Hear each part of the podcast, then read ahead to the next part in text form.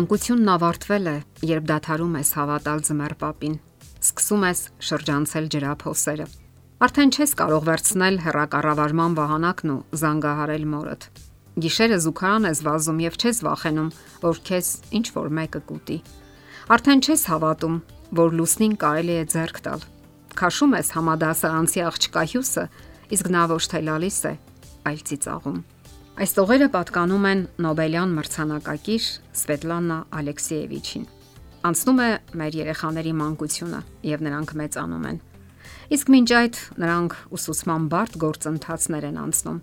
Հարկավոր է այնպես անել, որ նրանց կյանքի այդ ժամանակաշրջանում ուսուցման գործընթացն առավել արդյունավետ ընթանա։ Իսկ այստեղ պահանջվում է ծնողների անմիջական մասնակցությունը։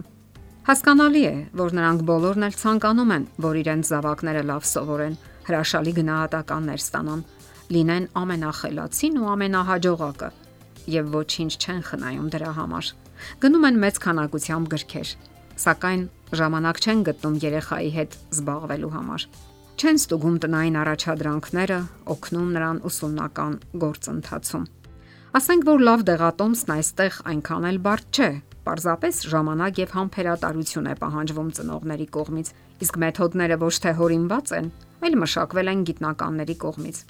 Ներկայացնենք այդ մեթոդներից մի քանիսը, հետևելով դրանց ծնողներն իսկապես կօգնեն իրենց զավակներին։ Ցինցիննատի քաղաքի մանկական բժշկական կենտրոնի 4 հետազոտողներ գործնական ճանապարհով ապացուցել են, որ բարձրաձայն ընթերցանությունն անմիջականորեն ազդում է մանկական ուղեղի զարգացման վրա։ Բարձրաձայն ընթերցանության ժամանակ սկսում են գործել ուղեղի այն մասերը, որոնք պատասխանատու են լսողական ընկալման համար։ Դեռ ավելին, բարձրաձայն ընթերցանությունը երաշխիքն է այն բանի, որ ձեր երեխաներն ավելի շատ եւ ավելի լավ կկարդան, երբ մեծանան։ Այովայի համալսարանի գիտնականներ Ջուլի Գրոս Լյուիսը, Մերեդիթ Վեսթը եւ Էնդրյու Քինգը փորձ են անցկացրել եւ հայտնաբերել, որ նույնիսկ հասարակ ձայները ազդում են երեխայի խոսակցական ընտունակությունների առաջացման վրա։ Ահա թե ինչ են նրանք գրում։ Երբ երեխաները նոր միայն սկսում են խոսքերին նմանվող հնչյուններ արձակել, մայրերն արձագանքում են դրան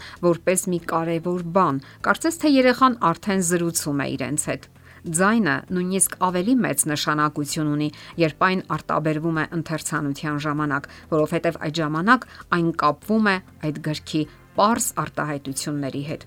Ահա թե ինչու երեխաների մոտ գրքերի հանդեպ սեր ներարկելու եւ նրանց երևակայությունը զարգացնելու լավագույն եղանակը նրանց հետ միասին կարդալն է։ Այժմ խոսենք շնորհակալության կարևորության մասին։ Forbes ամսագրի կայքում հրապարակված հետազոտությունները ցույց են տվել, որ པարս շնորհակալությունն իր մեջ բազմաթիվ դրական կողմեր է պարունակում։ Որևէ բանի համար ընդամենը մեկ անգամ ասված շնորհակալությունը բարելավում է մարդու հոգեբանական վիճակը, ամրապնդում հոգեբանությունը, նվազեցնում ագրեսիան եւ երաշխիք ծառայում նոր ծանոթությունների համար։ Ուսումնասիրությունները ցույց են տվել նաև, որ շնորհակալություն հայտնելով անծանոթին դուք հնարավորություն եւ հույս եք տալիս, որ նոր բարեկամություններ եւ նոր հարաբերություններ կծնվեն։ Այդ պատճառով պետք է երեխաներին սովորեցնեք գնահատել այն, ինչ իրենք կարողանում են եւ շնորհակալություն հայտնել այն բաների համար, որ ստանում են ուրիշներից։ Թել Ավիվի համալսարանում կատարվել են փորձեր 6-ից 9 տարեկան երեխաների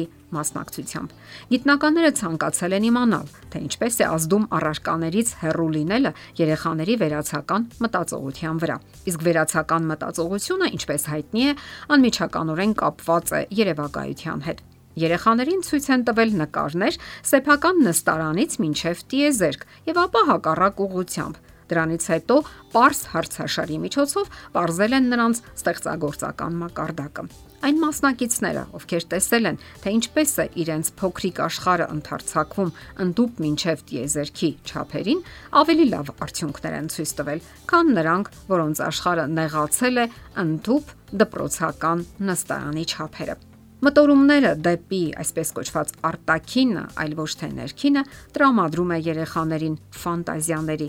օգնում է նրանց տեսնելու առարկան տարբեր տեսակետներից եւ մտորելու այսպես կոչված այժմ երևույթի պատկերացումների սահմաններից դուրս։ Ահա թե ինչու պետք չէ շտապել երեխաներին ասել, որ իրենք հորինում են։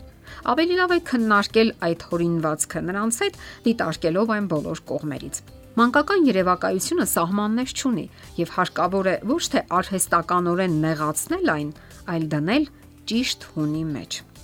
Երեխաների ուսումնական գործընթացում մեծ դեր ունեն նաև մտածողական տրամաբանական խաղերը։ Խաղերը նրանց սովորեցնում են մարտավարության, ինչպես նաև գեղեցիկ հաղթելու եւ պարտվելու արվեստը։ Ուսումնասիրությունները ցույց են տվել, որ գլուխկոտրուկները, խորանարդիկները եւ սեղանի որոշ խաղեր զարգացնում են երեխաների տրամաբանական եւ տարածական մտածողությունը։ Օրական 1 ժամ զբաղվելով երեխայի հետ դուք անգնահատելի ծառայություն եք մատուցում նրան։ Դե ի՞նչ։ Եղեք երեխայի լավագույն օգնականը ուսումնական գործընթացում։ Եթերում է ընտանիք հաղորդաշարը։ Ձեզ հետ է Գեղեցիկ Մարտիրոսյանը։ Հարցերի եւ առաջարկությունների դեպքում զանգահարեք 041 08 20 93 հեռախոսահամարով։ Հետևեք մեզ hopmedia.am հասցեով։